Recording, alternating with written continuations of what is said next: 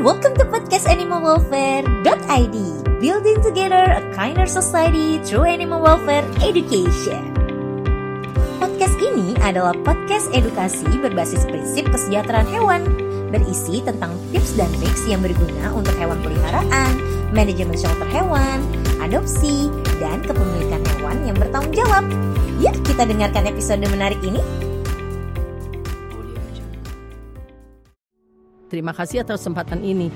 Saya di sini menyampaikan kolaborasi positif dengan pemangku kebijakan. Berarti di sini sebetulnya merupakan sesuatu yang bagaimana kita sebagai masyarakat berkolaborasi dengan pemerintah.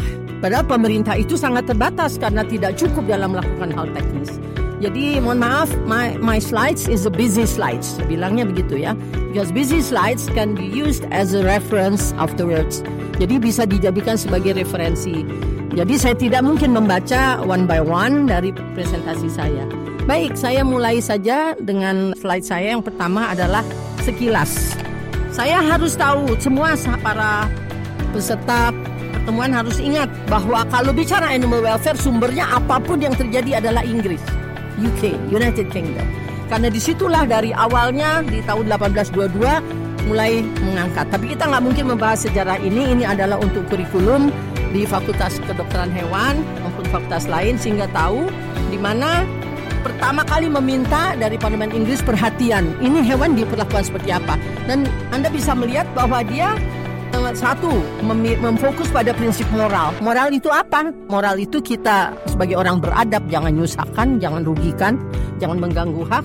Nah di situ dia meminta kepada perhatian itu kepada Ratu Inggris. Nah, di dalam hal ini dia ingin sebetulnya bagaimana hewan-hewan itu diperlakukan secara manusiawi. Sehingga pertama diterbitkannya SPCA atau Society for the Prevention of Cruelty to Animals.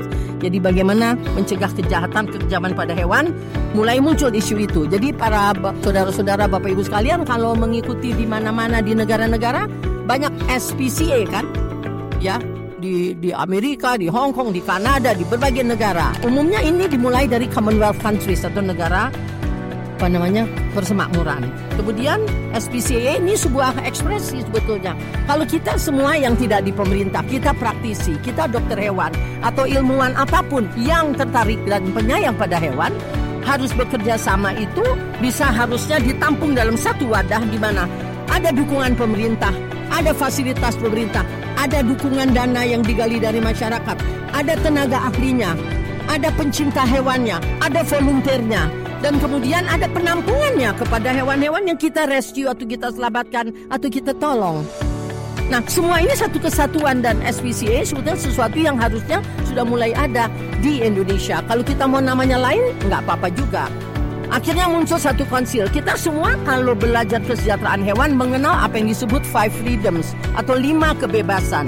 Nah, five freedoms lima kebebasan ini lahirnya dari mana? Sebetulnya dari konsil kesejahteraan hewan pada ternak. Kok ternak? Jadi Anda harus berpikir bahwa yang paling difokus pada kesejahteraan hewan adalah satu perilaku bagaimana orang memperlakukan hewan. Yang kedua adalah hewan yang mana sih? Apa semuanya? fokus pada hewan yang hidupnya ketergantungannya tinggi pada manusia. Jadi human dependent animals itu yang paling merasakan sengsara, ketakutan, kelaparan, kesedihan. Nah itu. Jadi ini lahirnya dari sana ya. Jadi kita sekarang 2023. Perhatiannya baru 2020. Abad ke-20. Padahal di Inggris saja dimulainya 1822. Jadi apa yang paling memicu di abad ke-20? Adanya perjanjian-perjanjian perdagangan, contohnya World Trade Organization yang mulai mendorong perdagangan seperti apa. Kalau perdagangnya benda mati, kita import ekspor misalnya kain, batu, kayu, itu mungkin nggak ada masalah. Begitu benda hidup yang bisa membawa penyakit seperti produk hewan, ribut. Yang ribut siapa? Organisasi Kesehatan Hewan Dunia atau World Organization for Animal Health very concerned dengan adanya transboundary animal diseases atau penyakit yang terbawa antar negara gara-gara berdagang hewan dan produk hewan. Jadi WTO World Trade Organization dan OIE atau WOAH atau uh, WOH terpaksa melakukan collaboration dan membuat satu agreement on SPS, sanitary and phytosanitary, yaitu harus terjamin nggak mempunyai kandungan penyakit, termasuk pet food kan? Emang pet food apa bahannya? Kan semua dari hewani, jadi apa pun yang berbahan hewani akan menjadi isu. Nah, dari situlah dilihat produk itu dimulai dengan seperti apa. Muncul caranya karena mau untung, mau banyak untung besar mulai memperlakukan hewan sebagai publik. Jadi muncullah factory farming dan animal machine. Nah, terjadi yang tadi disebutkan oleh Dr. Hasno, boykot perdagangan ya dok. Boykot perdagangan. Indonesia di stop. Oleh Australia tidak disuplai sapi karena diciarkan oleh Australia Broadcasting waktu itu kekejaman dalam memperlakukan hewan dalam penyembelihan di rumah potong hewan. Akibatnya Australia menyetop sampai disyaratkan kalau akan dipotong di rumah potong hewan yang dipastikan menerapkan satu sistem kesejahteraan hewan, baru sapi Australia boleh dipotong di sana. Nah, ini kemudian dikembangkan oleh pemerintah sehingga ada satu standar nasional di dalam rumah-rumah potong hewan di Indonesia. Jangan lupa, Indonesia itu 90% are Muslims, so we have 210 million Muslims. Berarti how many slaughterhouses that really need to do the slaughter slaughtering animals with halal and Toyiban standard. Halal is halal according to the Quran. Halal adalah menurut Al-Quran, yaitu memotong tiga saluran sekaligus pada satu titik. Saluran nafas, saluran cerna, dan saluran darah. Sedangkan Toyiban adalah the welfare of the animals before slaughter and during slaughter. Nah, itu yang diperjuangkan. Oke. Okay. Lalu siapa yang kemudian berkembang? Kita mengetahui dulu UK atau Inggris masih menjadi bagian dari Uni Eropa sehingga mempengaruhi sehingga terjadilah perjanjian-perjanjian di negara-negara Uni Eropa 27 negara. Kemudian mereka bersepakat membuat kesepakatan-kesepakatan dalam animal welfare sehingga menerbitkan beberapa regulasi yang semua 27 negara anggota harus patuh kalau mau berdagang tentang hewan atau bagaimana memperlakukan hewan-hewan pada ternaknya karena sumber pangannya banyak memerlukan protein hewani. Nah, kita bisa melihat di sini bahwa mereka mengeluarkan misalnya Convention European Convention tentang perlindungan pada hewan ternak uh, nomor 78923 EEC ya. Nah, itu semuanya ada di sini. Saya nggak akan baca panjang lebar, tapi mereka mempunyai satu minimum standard yang similar. Nah, sampai sekalipun sudah Brexit, artinya Inggris keluar tidak lagi jadi anggota Uni Eropa, tapi ini 27 negara sudah terikat dengan kesepakatan ini. Jadi kita contohkan sedikit lah. Contohnya peternakan. Jadi ini contohnya. Bagaimana kita tahu bahwa babi itu adalah makhluk sosial, senengnya beranak bareng-bareng, netein bareng-bareng, dia senengnya uh, foraging, gali-gali, gigit-gigit, tahu-taunya dikurung satu-satu seperti itu, bahkan sampai menggigit-gigit karena stres, gigitin temennya, gigitin ekornya, akhirnya infeksi dan sebagainya.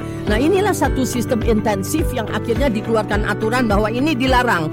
Kalau ada yang melakukan seperti ini, boykot gitu. Contoh lain, next slide. Sekarang mulai di Indonesia termasuk kandang baterai mulai dipermasalahkan. Tumpuk-tumpuk dikurung ayamnya nggak pernah mengepak sayap, nggak pernah matok-matok di bawah, nggak pernah mandi debu untuk gatel-gatel parasit karena dia selalu dikurung di dalam. Nah yang diidealkan sekarang adalah yang kedua. Kalau tidak seperti itu, sekarang ternyata gerakan animal welfare sudah mempengaruhi misalnya hotel-hotel, restoran-restoran, ya, produsen-produsen produk Jangan mau menerima produk di mana hewannya di situ diperlakukan dengan kejam atau tidak welfare. Nah ini menjadi satu kekuatan yang memboikot sehingga akhirnya misalnya jangan mau telur yang diperoleh dari eh, peternakan seperti itu. Nah, jadi repot padahal bangsa Indonesia yang pecah-pecah aja masih dimakan gitu, yang retak-retak aja masih dibeli. Jadi ini kadang-kadang menjadi satu standar yang mungkin tidak affordable untuk rakyat kita. Jadi selektif. Kemudian kita melihat lagi bagaimana OIE kok OIE atau World Organization for Animal Health atau WOAH dia ternyata juga baru. Ingat di tahun 2002 2002 ya? Dia baru membuat draft mengenai kesehatan hewan ini dan baru membentuk Animal Welfare Working Group. Jadi tidak sekarang 20 2023 dua, ya 2023 jadi berarti baru 20 tahunan. Nah itu juga kemudian mereka membuat sebuah kesepakatan seperti diketahui bahwa WOAH selalu mengeluarkan Animal Health Code baik terrestrial animal health code termasuk poultry and bees dan juga yang aquatic animal health code. Lalu dia akan mengumpulkan scientific base-nya apa, ethical consideration-nya apa, baru regulation-nya dibikin. Jadi harus ada etikanya. Kenapa hewan nggak boleh dibegitukan? Nah, Indonesia nanti agak berbeda. Nah, setelah kemudian dilihat ada hubungan kritis bahwa kalau kesejahteraan hewan tidak ditegakkan maka terjadi sehingga terjadi lima freedom ini di, dimunculkan ya. Dan kemudian kita melihat bahwa berbagai aturan hukum di Indonesia karena Indonesia merupakan anggota dari OII terpaksa harus juga membuat regulasi terkait animal welfare. Maka Direktorat Kesbafet kemudianlah yang menjadi bertanggung jawab. Dan kita bersyukur bahwa karena berbagai unsur masyarakat harus ikut dalam menyusun undang-undang, Perhimpunan Dokter Indonesia sejak tahun 2002 ikut serta dan kita berhasil memasukkan kesrawan di dalam Undang-Undang Peternakan nomor 8 tahun 2018 tahun 2009 ini dan kemudian bergulir sampai sekarang menjadi berbagai aturan hukum. Nah, kita menjadi kompleks dalam memahami kesrawan karena ini faktornya. Ada banyak sudut pandang, tolong ini dicermati. Animal welfare menjadi kompleks dan susah karena sudut pandang berbeda-beda, kesepakatan internasionalnya juga menekan kebijakan publik didasari berbagai dunia kata orang. Emang kamu tahu dari mana kalau hewan itu sengsara? Yang mana sentient animals? Itu selalu dipermasalahkan. Lalu ada regulasinya atau tidak? Ternyata sudah ada. Kalau kita sebagai manusia beradab tidak menggunakan dengan baik ethical considerationnya seperti apa.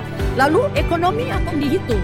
Rugi dong saya kalau harus begini harus begitu. Seolah-olah menyayangi hewan menjadi sesuatu yang uh, tidak penting. Kemudian Indonesia mempunyai Pancasila, nomor satu ketuhanan yang Maha Esa. Sehingga semua lima agama di Indonesia ada firman-firmannya tentang bagaimana harus memperlakukannya. Sehingga pendekatan itu harus ada di Indonesia. Lalu ada budaya masyarakat yang banyak menggunakan hewan di dalam ritual-ritual dan kemudian dalam kepentingan perdagangan ini menjadi salah satu sorotan.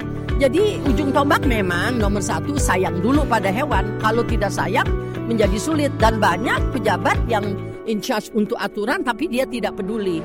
Nah, oleh karena itu saya akan melanjutkan karena waktunya sedikit bagaimana ada dua pesan, yang satu dari OII atau WOAH, yang kedua dari undang-undang di Indonesia bahwa memang animal welfare harus diusung oleh pemerintah dan masyarakat dan dalam hal ini eh, pemerintah dan pemerintah daerah dan bersama masyarakat berarti semua stakeholders. Nah, kalau semua stakeholders ini bekerja sama, masing-masing punya peran yang berbeda. Karena dunianya juga eh, ketertarikannya berbeda. Tolong dicepatkan slides-nya sampai ada gambar yang satu slide gambar semua. Terus, terus, terus, terus. Ya, ini. Anda melihat hewan itu dikelompokkan atas lima. Hewan hobi, anjing kucing, exotic pets yang kanan, itu Kementerian Pertanian dan pet lovers, dan semua practitioners dan sebagainya. Yang bawah hewan ternak berarti Menteri Pertani, Kementerian Pertanian dengan sarjana peternakan, kemudian yang hewan laboratorium berarti dengan Kementerian Kesehatan, kemudian ada kelompok hewan satwa liar atau uh, wildlife, zoo animals itu berarti sarjana biologi, foresters dan juga dengan Kementerian Lingkungan Hidup dan Kehutanan dan Aquatic and Marine Animals berarti bersama sarjana perikanan dan Kementerian Kelautan Perikanan. Dan ini semua menggunakan animal welfare standards dan dibuat peraturan-peraturan. Ini ada kesimpulan dan ini sebenarnya sama, hanya menyebutkan bahwa hewan dapat dipelihara, oke okay saja, aturan hukumnya juga ada, sistem produksi pangan harus terus disosialisasikan dan banyak orang yang harus diatur. Nah, ini yang banyak diterbitkan oleh pemerintah, bahkan Majelis Ulama Indonesia telah mengeluarkan fatwa bahwa satwa harus dilestarikan dan tidak boleh diperdagangkan sembarangan di black market terakhir, saya rasa ini sebetulnya yang bisa saya share. Mudah-mudahan gambarannya ada bahwa perjalanan animal welfare di Indonesia dimulai dari 2001 sebetulnya sampai kepada 2002 di pemerintah dan sampai saat ini sudah berjalan 20 tahun lebih. Mudah-mudahan kebijakan yang berikut peraturan Menteri Pertanian tentang kesejahteraan hewan yang sudah saat ini tahap final dapat segera diberlakukan. Jadi selanjutnya terima kasih, mohon maaf karena waktunya sangat dibatasi, mudah-mudahan ada manfaat. Wassalamualaikum warahmatullahi wabarakatuh. Thank you for listening to podcast animalwelfare.id. Semua informasi ini dapat diakses di website animalwelfare.id. Jangan lupa subscribe, like, dan share ya. See you in the next episode.